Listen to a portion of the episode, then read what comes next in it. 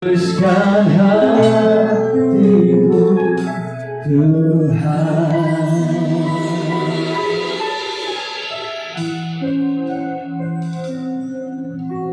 Biarlah ini menjadi kerinduan kami. Tuhan memulihkan hidup kami sehingga hidup kami bebas dari yang jahat. Hidup kami kudus berkenan di hadapanmu Tuhan. Sebab untuk itulah Tuhan memanggil kami, memilih kami, menebus kami supaya hidup kami tidak bercacat, tidak bercela seperti Kristus putra tunggalmu yang hidupnya senantiasa berkenan kepada Bapa di sorga. Dengan kekuatan kami sendiri kami tidak sanggup, tetapi dengan pertolongan rohmu yang kudus, kami sanggup menjadi seperti yang Tuhan kehendaki. Terima kasih Bapak di surga kami sudah memuji menyembah Tuhan. Tiba saatnya buat kami mendengarkan firman-Mu, sebab kami sangat membutuhkan firman-Mu. Karena firman-Mu adalah pelita buat kaki kami dan terang buat jalan hidup kami. Kami buka hati kami buat sabda firman-Mu. Jadikan hati kami tanah yang subur, supaya ketika benih ditabur, dia bertumbuh dengan subur, berbuah 30, 60, bahkan 100 kali lipat. Urapi kami semua ya Tuhan, urapi hamba. Di dalam nama Tuhan Yesus kami berdoa mengucap syukur. Haleluya. Yang percaya diberkati berkata, Amin. Tepuk tangan buat Tuhan Yesus. Silakan duduk.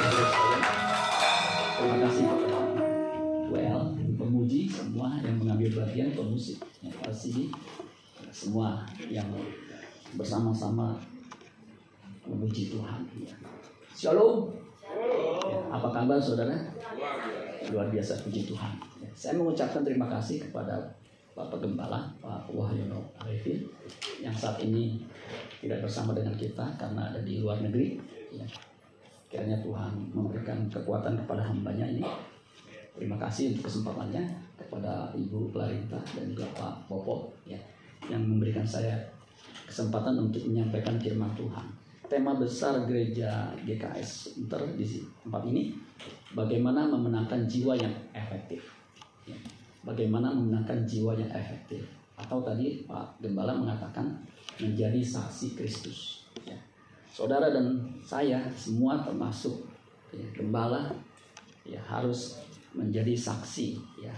Di sini saksi yang efektif. Menurut saya untuk bisa menjadi saksi yang efektif ya, semua mesti terlibat ya, menjadi saksi Kristus. Ya. Untuk itu kita harus punya spirit, ya, semangat misi, sehingga di mana pun kita berada, penginjilan itu menjadi gaya hidup. Ya makanya amanat agung itu didahului dengan pergilah, jadikanlah semua bangsa murid. Ya. Kata perintah yang utamanya adalah jadikan murid. Ya. Pergilah itu kata kerja participle. Ya, ada yang menerjemahkan pergilah. Ya. While you are going. Ya. Di mana pun ketika kamu pergi. Ya. Jadi di mana pun kita berada, kita harus menjadi saksi, menjadikan semua bangsa murid. Yang setuju katakan amin. Nah untuk itu saudara sekalian, bagaimana menjadi saksi yang efektif? Dimulai dari jemaat harus memiliki sifat misi. Ya, makanya jemaat harus misioner. Ya. Firman Tuhan yang saya sampaikan pada kesempatan kali ini jemaat yang misioner. Ya. Diambil dari Matius 9 ayat 35 sampai 38. Nah, saya sudah siapkan powerpointnya, jadi tinggal ditayangkan. Ibadah kita juga diikuti melalui YouTube atau juga Zoom. Salam semua yang mengikuti ibadah maupun nanti setelah selesai live streaming. Saya percaya firman Tuhan yang keluar dari mulut Allah tidak akan kembali dengan sia-sia. Pelan saudara ya. Saya percaya firman Allah yang keluar dari mulut Allah tidak akan kembali dengan sia-sia. Dia akan mengerjakannya sehingga berhasil. Matius pasal 9 itu judulnya ya kalau kita baca judul dari perikopnya itu adalah belas kasihan Yesus terhadap orang banyak. Ya, itu lembaga Alkitab Indonesia memberi judul belas kasihan Yesus terhadap orang banyak. Ayat 35 dikatakan begini. Ya, Demikianlah Yesus berkeliling ke semua kota dan desa. Jadi fokus dan lokus tempat Yesus melayani bukan hanya kota, tapi desa. Jadi kota dan desa itu penting. Meskipun ibu kota pindah ke IKN, ya. Jakarta penting. Nanti Kalimantan penting. Amin saudara Ya, udah ada yang investasi di IKN. Ya. Dikatakan iya, Yesus mengajar dalam rumah-rumah ibadat. Jadi mengajar di Dasko dan memberitakan Injil kerajaan surga. Keruso bahasa Yunaninya serta melenyapkan segala penyakit dan kelemahan terapeo. Jadi ada tiga aktivitas di mana Yesus menginjil atau bermisi, mengajar ya sesuai dengan yang diamankan. Ajarlah mereka melakukan segala sesuatu semuanya. Ya. Kemudian memberitakan Injil. Injil itu kabar baik. Ya, nggak ada kabar yang lebih baik daripada Injil. Ya serta melenyapkan segala penyakit dan kelemahan. Ya, kita punya kelemahan, bukan hanya fisik, ya, tetapi juga jiwa kita. Ya. Ayat 36, melihat orang banyak itu, melihat apa? Orang banyak. Tergeraklah hati Yesus oleh belas kasihan kepada mereka. Kenapa? Karena mereka lelah dan terlantar. Seperti domba yang tidak bergembala. Lelah dan terlantar itu dua hal yang dialami orang yang belum diselamatkan lelah ya. bahasa Yunaninya eskulmenoi ya.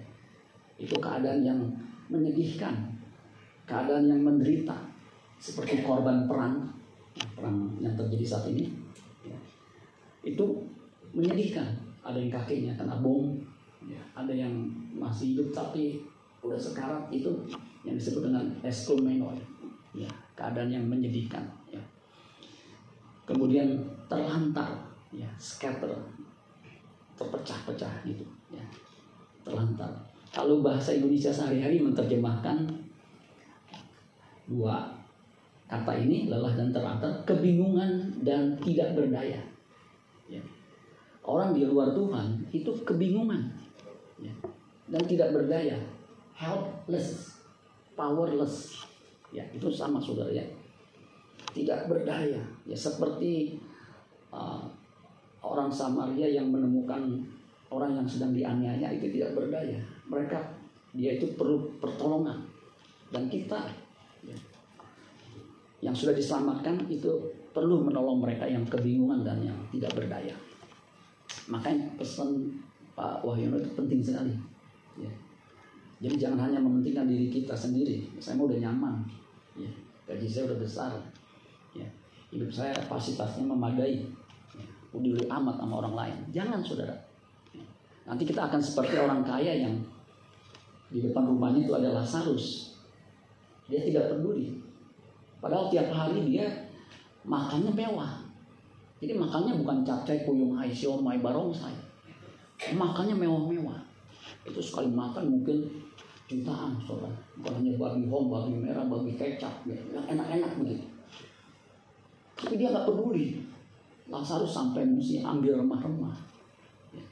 makanya ketika dia meninggal dia dalam keadaan menderita kenapa dia nggak peduli nggak punya belas kasihan padahal dia sanggup setiap hari bersukaria pakaiannya mewah makanannya mewah nah, itu kan luar biasa saudara sekalian ya makanya kita harus punya belas kasihan seperti Yesus. Ya. Punya mata seperti Yesus melihat orang.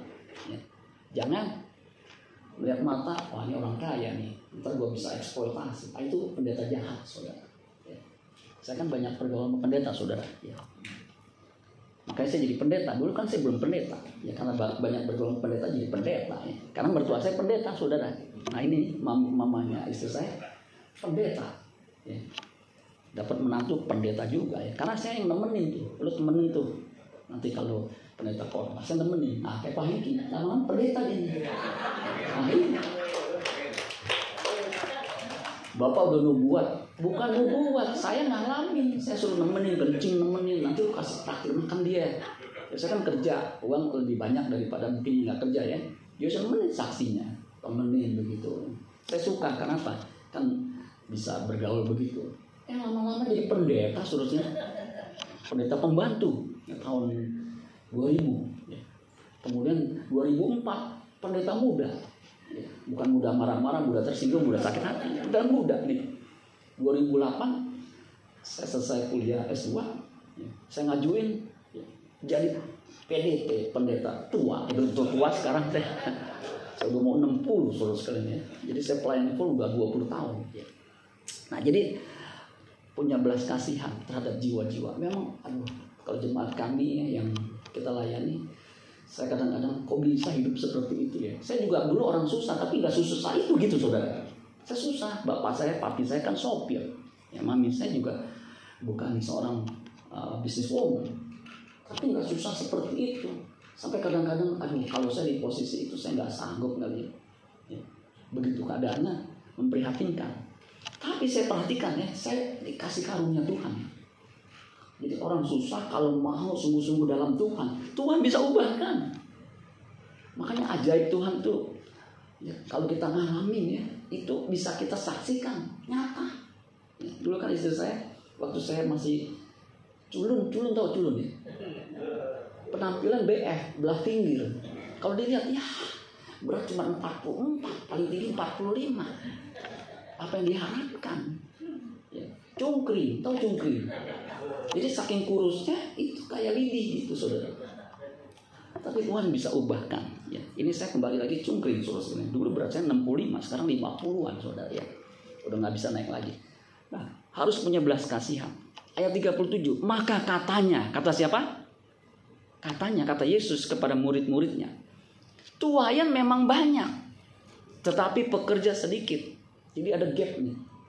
Kalau kita kerja, ini SDM-nya ya kurang, padahal yang mesti digarap atau mesti dikerjakan banyak. Ya sehingga mesti lembur, mesti apa, ya. Lama-lama kan si pegawai kelelahan.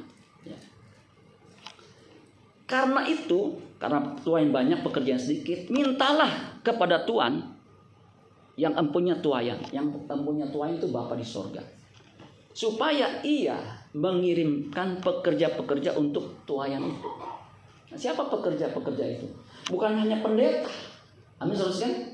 Kalau pendeta harus menginjil, harus terus khotbah. Siapin khotbah ini gak mudah, saudara. Ya.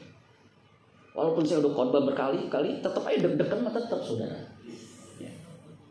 Jadi bukan hanya pendeta, tetapi kita semua. Ya, nanti saya akan jelaskan bagaimana sifat misi itu harus ada dalam diri kita. Nah, saya memompa jemaat itu di mana pun juga harus bermisi menjadi saksi. Kalau teori pertumbuhan gereja, domba melahirkan domba. Begitu. Pemimpin melahirkan pemimpin. Pemimpin memperlengkapi supaya jemaat itu bergerak. Nah, Yohanes 17 ayat 18. Ini dikatakan begini, sama seperti engkau telah mengutus aku, Yesus yang ngomong, ke dalam dunia, demikian pula aku telah mengutus mereka, murid-murid, ke dalam dunia. Jadi kita ini diutus oleh Kristus sebagaimana Bapa mengutus Kristus. Ya. Untuk apa? Memberitakan kabar baik.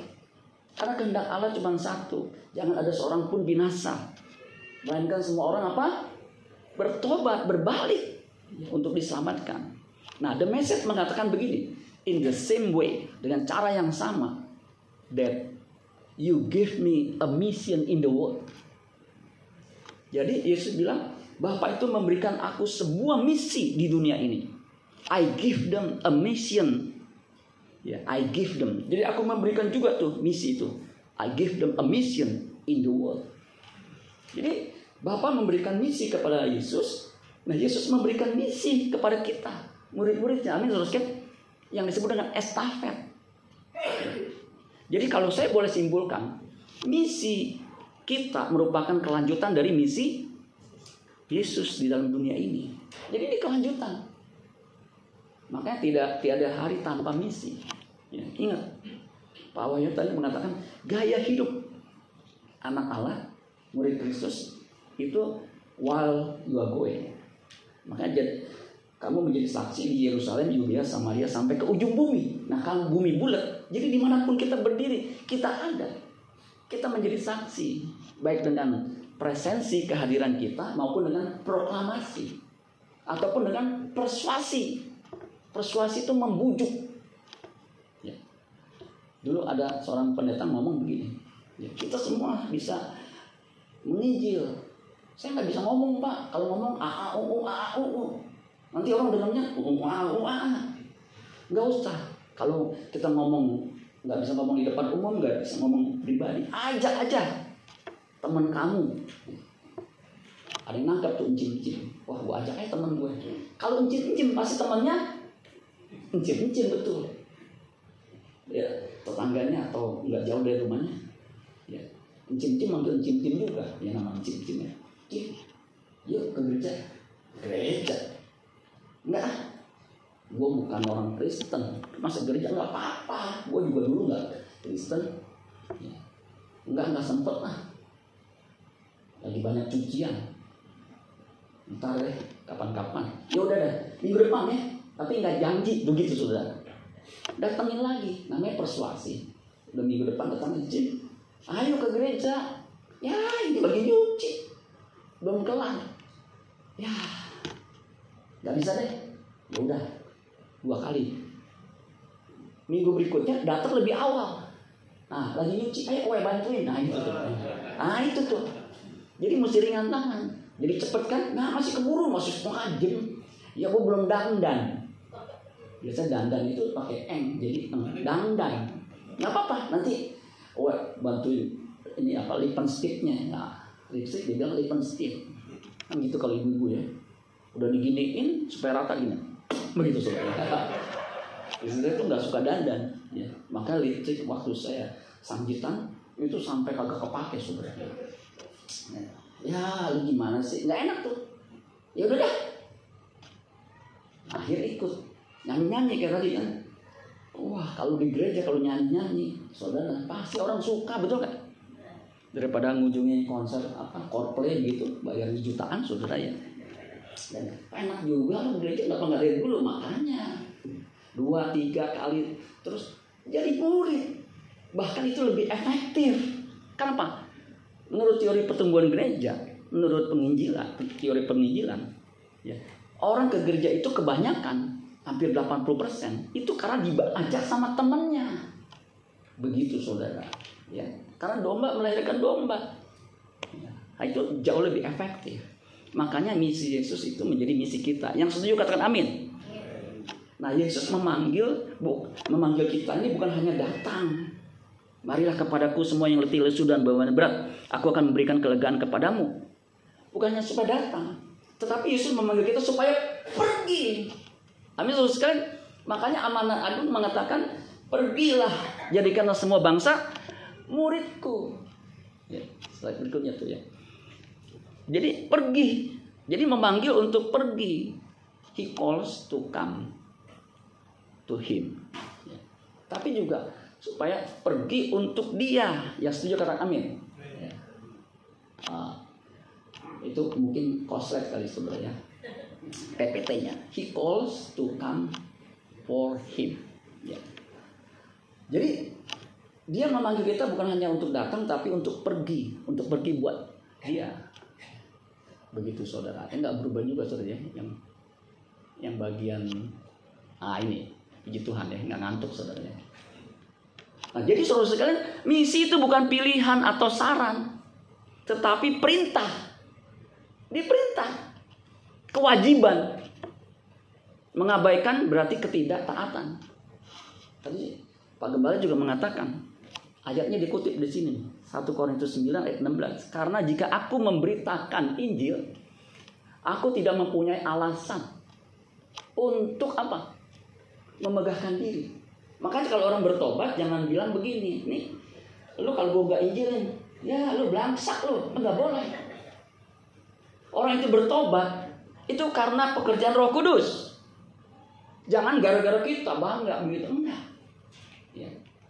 Jadi untuk bukan untuk memegahkan diri, sebab itu adalah apa?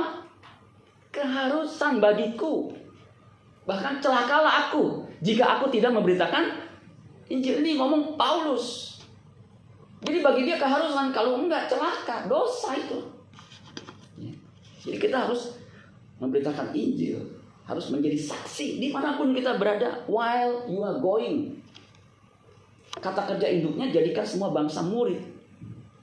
Ketika jadi murid, menjadi anggota yang setia, bertumbuh, pasti dia juga nanti akan mempunyai spirit yang sama, yaitu menjadi saksi, menjadi murid, ya, menjadi misionaris.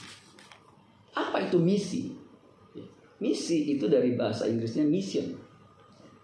Mission, ya kalau bahasa Yunani-nya apostelo, ya, mengutus.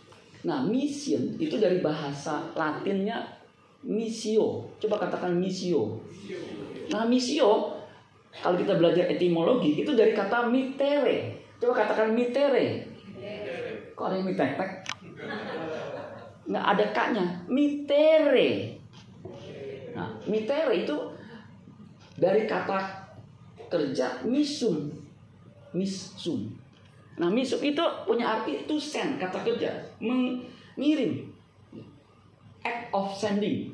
Tindakan pengiriman. Begitu. Jadi dia kata kerja. Being sent, kata kerja negatif, orangnya yang dikirim. Misum itu artinya delegated by authority. Jadi didelegasikan dengan diberi otoritas. Makanya siapa pun kita itu diberikan kuasa. Makanya amanat agung itu ya kisah 1 ayat 8 itu juga sama. Ya, perintah untuk menjadi saksi atau menginjil itu sama, perintah misi. Tetapi kamu akan menerima kuasa kalau Roh Kudus turun ke atas kamu itu memperlengkapi kita tuh itu kita diperlengkapi dengan kuasa Roh Kudus. Kalau kita memiliki Roh Kudus itu aman di mana pun kita berada. Seperti Paulus ketika memberitakan Injil dengan kuasa Roh Kudus, meskipun dia ada di kapal yang mau karam, ya, dengan 270 orang lebih, dia nggak ketakutan, bahkan dia bisa menjadi saksi, tuh saudara. Ya. Jadi jelas misi itu kita yang diutus seperti Yesus mengutus murid-muridnya. Karena Yesus juga diutus sebapa dan Yesus mengutus kita. Ya. Nah yang menarik saudara sekalian, kamus besar bahasa Indonesia itu entah di mana itu memakai ya definisi yang memang tadi saya sudah uraikan. Ya kebetulan waktu saya ambil S2 teologi, saya di bidang misiologi. Ya, nah nama ilmunya itu misiologi, mis, uh, ilmu tentang misi. Jadi saya pelajari misi, ternyata kamus besar bahasa Indonesia ini baru saya cari belakangan nih ketika saya mempersiapkan tentang jemaat yang misioner. Saya lihat, uh kok bisa ya? Jadi menurut kamus besar bahasa Indonesia, misi yaitu perutusan yang dikirim perutusan yang dikirim oleh suatu negara ke negara lain. Nah kita ini ketika percaya Yesus kita terhisap sebagai warga negara kerajaan sorga. Nah saat yang bersamaan kita juga diutus. Makanya misi itu perutusan yang dikirimkan oleh suatu negara ke negara lain yang apa? Untuk melakukan tugas khusus. Jadi menjadi saksi itu tugas khusus. Di bidang apa? Kalau negara biasa diplomatik, politik, perdagangan, kesenian, dan lain sebagainya. Kalau kita enggak, misinya cuma satu, bagaimana orang diselamatkan. Tadi dikatakan satu orang diselamatkan, beribu-ribu malaikat bersuka cita. Dan kalau orang bersuka cita nggak bisa diem, dia pasti loncat-loncat, pasti mau juga orang lain bersuka cita. Begitu saudara sekalian. Nah yang kedua, jadi definisi kamus besar bahasa Indonesia, misi itu adalah apa? Tugas yang dirasakan orang sebagai suatu kewajiban. Seperti Paulus tahu bahwa ini kewajiban, keharusan. Kalau nggak celaka, kalau nggak dosa, untuk melakukan demi demi agama, ideologi dan patriotisme. Kalau kita demi apa? Demi Kristus, demi tugas Bapa di sorga. Begitu seharusnya. Makanya mau efektif itu mesti tertanam dalam diri kita. Maka di mana pun kita berada, kalau ada kesempatan, ceritakan ya, pengalaman kita bertemu dengan Tuhan, ceritakan. Atau ada cara-cara lain, begitu. Karena memang penginjilan efektif itu one to one. Ya. Saya pernah teliti juga ya. Ketika KKR, ya, itu biaya besar. KKR itu biaya besar. Ya. Saya nggak ngadain karena saya ditunjuk KKR yang hadir tuh 700 orang. Jemaat kita waktu itu baru seratusan begitu. Berarti kan tujuh kali lipat lumayan. Lo tahu nggak yang hasil ritual itu berapa? Tahu nggak saudara? Ya nggak tahu pak, orang bapak kan kasih tahu. Kalau kita orang bisnis kan uangnya kan 2 jutaan. Eh yang jadi anggota itu nggak sampai 10 yang ter, yang tergerak untuk jadi anggota 10 satu dua tiga hilang semua pas terakhir terakhir saya teliti ada satu jadi uh, majelis bukan majelis ya uh, pastoral begitu. Tiga empat tahun lalu mengundurkan diri juga saudara. Jadi kurang efektif. Tapi kalau pribadi ya, itu mau ngomong saudara. Nah saya terapkan itu. MGM namanya member get member pribadi begitu. Jadi saya kasih reward. Ya. kasih reward. Kalau dapat dia hadir terus menerus saya perkirakan kalau udah 10 kali ya ini biasanya sih udah betah kasih reward begitu saudara ya. karena memang Tuhan itu rewarder ya. Ibrani pasal 11 ayat 6 kalau nggak salah ya Allah itu apa memberi kepada mereka yang sungguh-sungguh mencari dia. Rewarder, memberi reward. Ya, jadi ini kewajiban saudara. Yang terakhir, kegiatan menyebarkan kabar gembira atau kabar baik. Injil, eu angelion, eu itu baik, angelion itu kabar. Dan mendirikan jemaat setempat. Lihat, dilakukan atas dasar pengutusan, pengutusan ya, apostelo sebagai kelanjutan misi Kristus. Jadi definisi dari kamus besar bahasa Indonesia itu benar banget cocok dengan uh, teologi per, teologi pertumbuhan gereja atau uh, pelajaran misiologi. Ya. Makanya saudara sekalian mis, misionaris itu artinya bers, mis, misioner itu artinya bersifat misi, berkarakter misi. Ya. Jadi udah jadi gaya hidup, ya kayak karakter kan melekat. Ya, dulu saya orangnya yang introvert begitu. Kalau nggak ditanya, dia menang baik. Kalau nggak diajak ngomong, dia nggak ngomong. Kalau istri saya nggak, nggak diajak ngomongnya dia ngomong begitu. Karena emang naturnya begitu. Nah karena saya bergaul sama dia, saya suka nganterin dia ke kantornya. Itu tukang yang jaga ini siapa? Pak, selamat pagi pak. Gitu. Terus orang belum jauh-jauh, eh selamat pagi. Bilang, lu bahagia amat begitu ya. Karena naturnya begitu. Ada yang eh gitu. Maka jemaat kalau yang ini udah deh rame sanguinis begitu saya terus terus bergaul bergaul lama saya lama-lama saya lebih bawel dari dia sampai dia tegur lu semua orang kan ditegur sih ya nepak gitu jadi gayanya nepak sama saudara sekalian kita harus menularkan. Ya. Dari Yesus kita tertular kita harus menularkan orang lain. Jadi bersifat misi. Misionaris itu orangnya. Ya.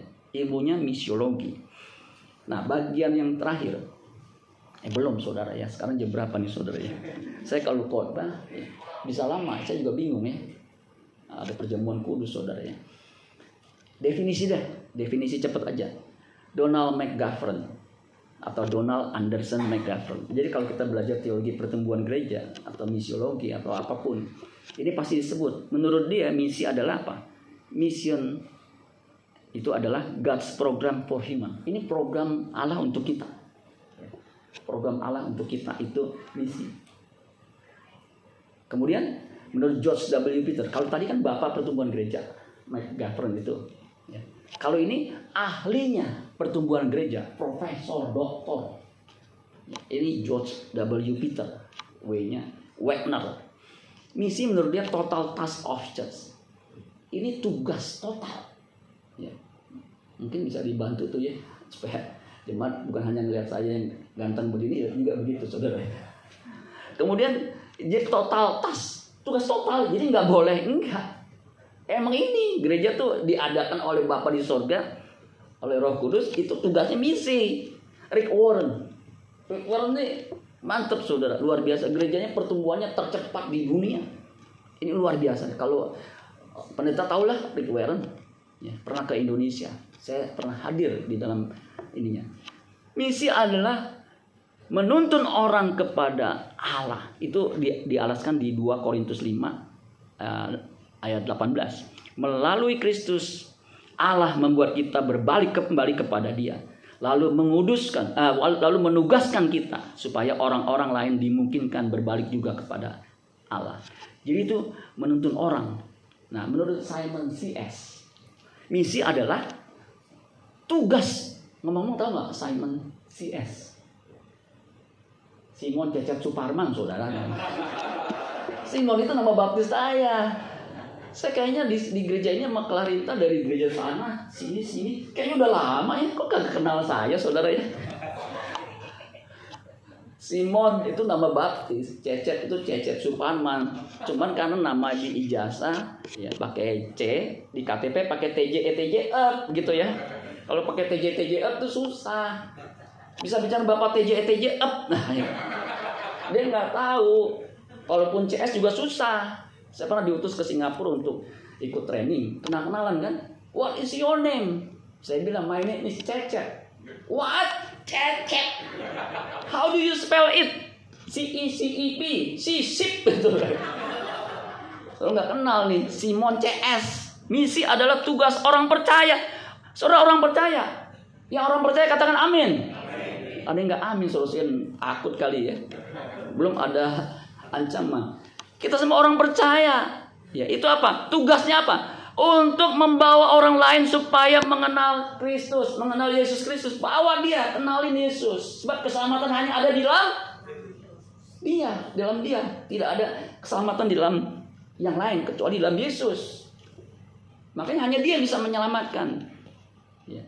Bawa. Nah itu ayatnya ada di mana? 2 Korintus 5 ayat 20. Jadi kami adalah utusan-utusan Kristus. Akan-akan Allah menasihati kamu dengan perantaran kami. Ayat, kisah 13-nya Ya, berkata Roh Kudus, khususkanlah Barnabas dan Saulus bagiku untuk tugas khusus.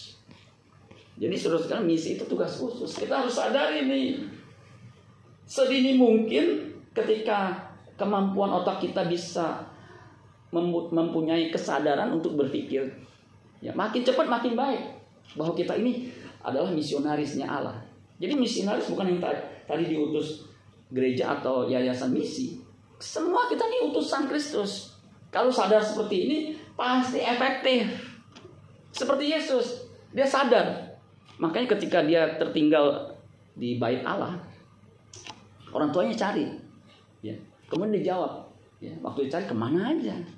Mengapa kamu mencari aku? Tidak tahukah kamu bahwa aku harus berada di dalam rumah Bapakku? Itu ketika usia 12 tahun. Biasa 12 tahun tuh udah punya kesadaran. Ya saya ketika SMP saya mulai menyadari kalau saya begini mah nggak akan berubah. Maka saya rajin belajar, rajin sungguh-sungguh dari nilai yang nggak begitu bagus sampai bagus. Terus semuanya saya juara. Ya. Sampai saya kuliah sambil kerja. Ya.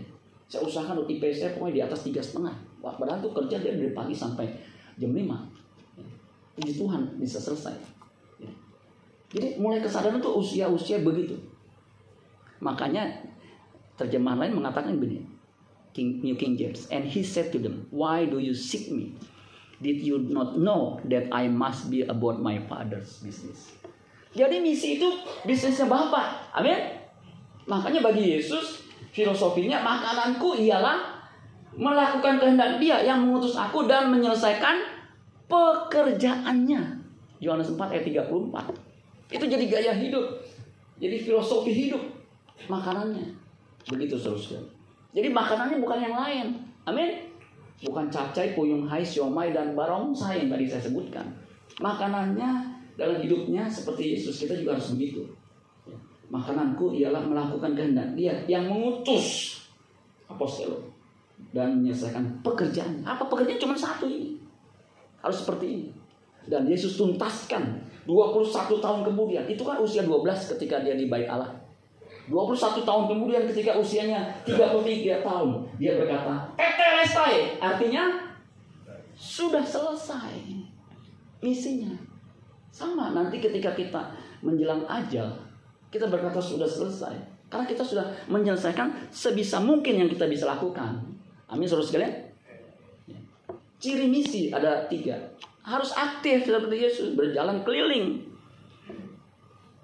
Jadikan semua bangsa murid. Itu kata kerja aktif, imperatif aktif. Ya. Kisah 18 ayat 9. Berfirmanlah Tuhan kepada Paulus, jangan takut. Teruslah memberitakan Injil, memberitakan firman dan jangan diam.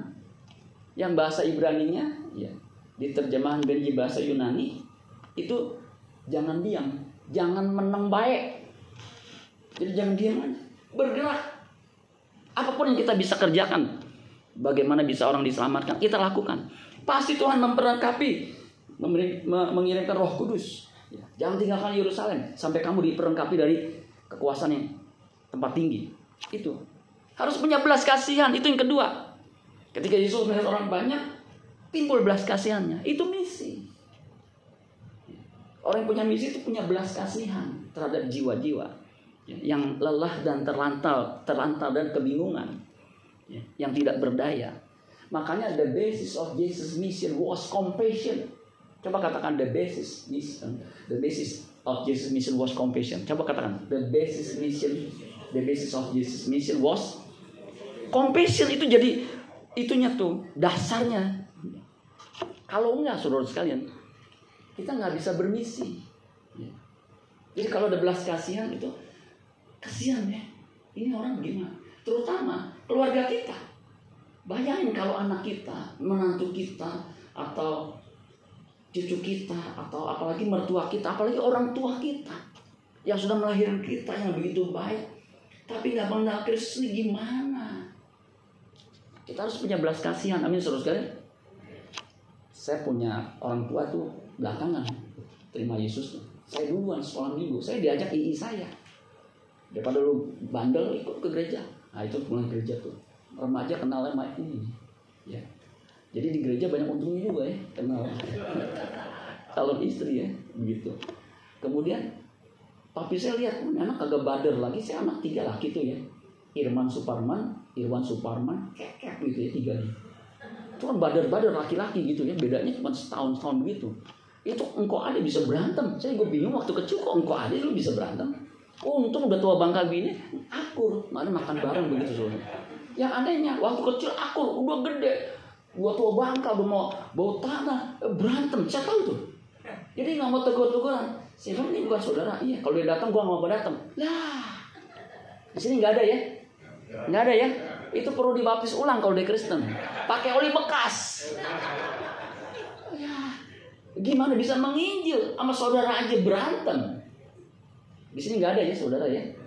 Akur-akur saya lihat nih. Iya pak, kalau di gereja akur-akur, tapi kalau di rumah apa lo?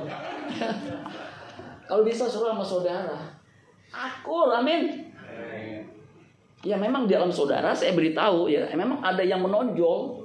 Kan lamanya beda-beda, betul nggak? Ada yang ekonomi kaya banget, ada yang nggak ini. Ya yang ini nggak usah sombong. Nah, Orang tua juga jangan kalau main kaya udah baik banget. Cucunya sini cucu oma, cucu oma. Gila yang susah, lu sono lu. Jangan. Itu bisa sakit hati tuh cucu yang gitu. Kok oma begitu sih sama aku? Ya mama orang susah, papa lu apalagi pengangguran. Kesian. Ya. Makanya saya beritahu ya, oma-oma yang memang punya anak yang kaya, kemudian ada cucunya yang miskin karena anaknya mungkin itu kurang beruntung. Tetap disayang ini semua cucu oma amin. Kalau semua dikasih cepecen ini juga dikasih kalau perlu lebih banyak. Amin saudara. Ini oma-oma yang punya cucu yang punya anak kaya cucunya di ini yang bertobat. Jangan saudara kasihan. Saya ini berasa kalau dibedakan begitu. Apalagi orang susah. Itu lebih sensitif betul nggak? Kita salaman nggak kenceng aja ini Salman geli sama gue ya. Apa ini hangat banget ya apa kabar? Apa gue cuma begini? Itu sensitif. Saya berusaha ya saudara ya karena kan kita nggak semua orang yang pendidikan sama. Tetap hangat. Amin saudara. Saya juga ngalamin. Ada pendeta yang dulu saya kenal ya waktu saya masih kerja masih ya lumayan begitu.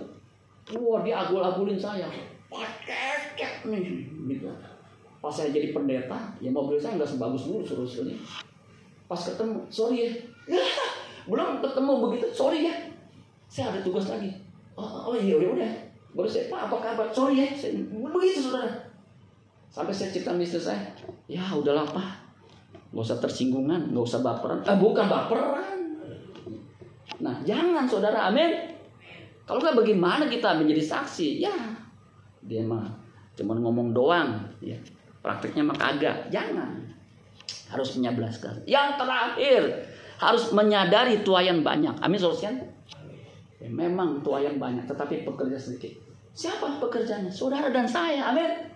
Maka ketika Yesaya ada dengan suara siapa yang akan kuutus? Jawabannya siapa? Nah ini aku Tuhan. Utuslah aku sampai generasiku diselamatkan. Ini aku. Kalau kita di teolog, sekolah teologi ya, itu suka dipelasakan.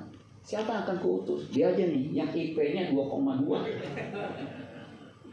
2,2 susah lo nyari kerjaan, mendingan lu diutus di Kalimantan sana ada IKN. Jangan. Semua kita utusan Kristus, amin.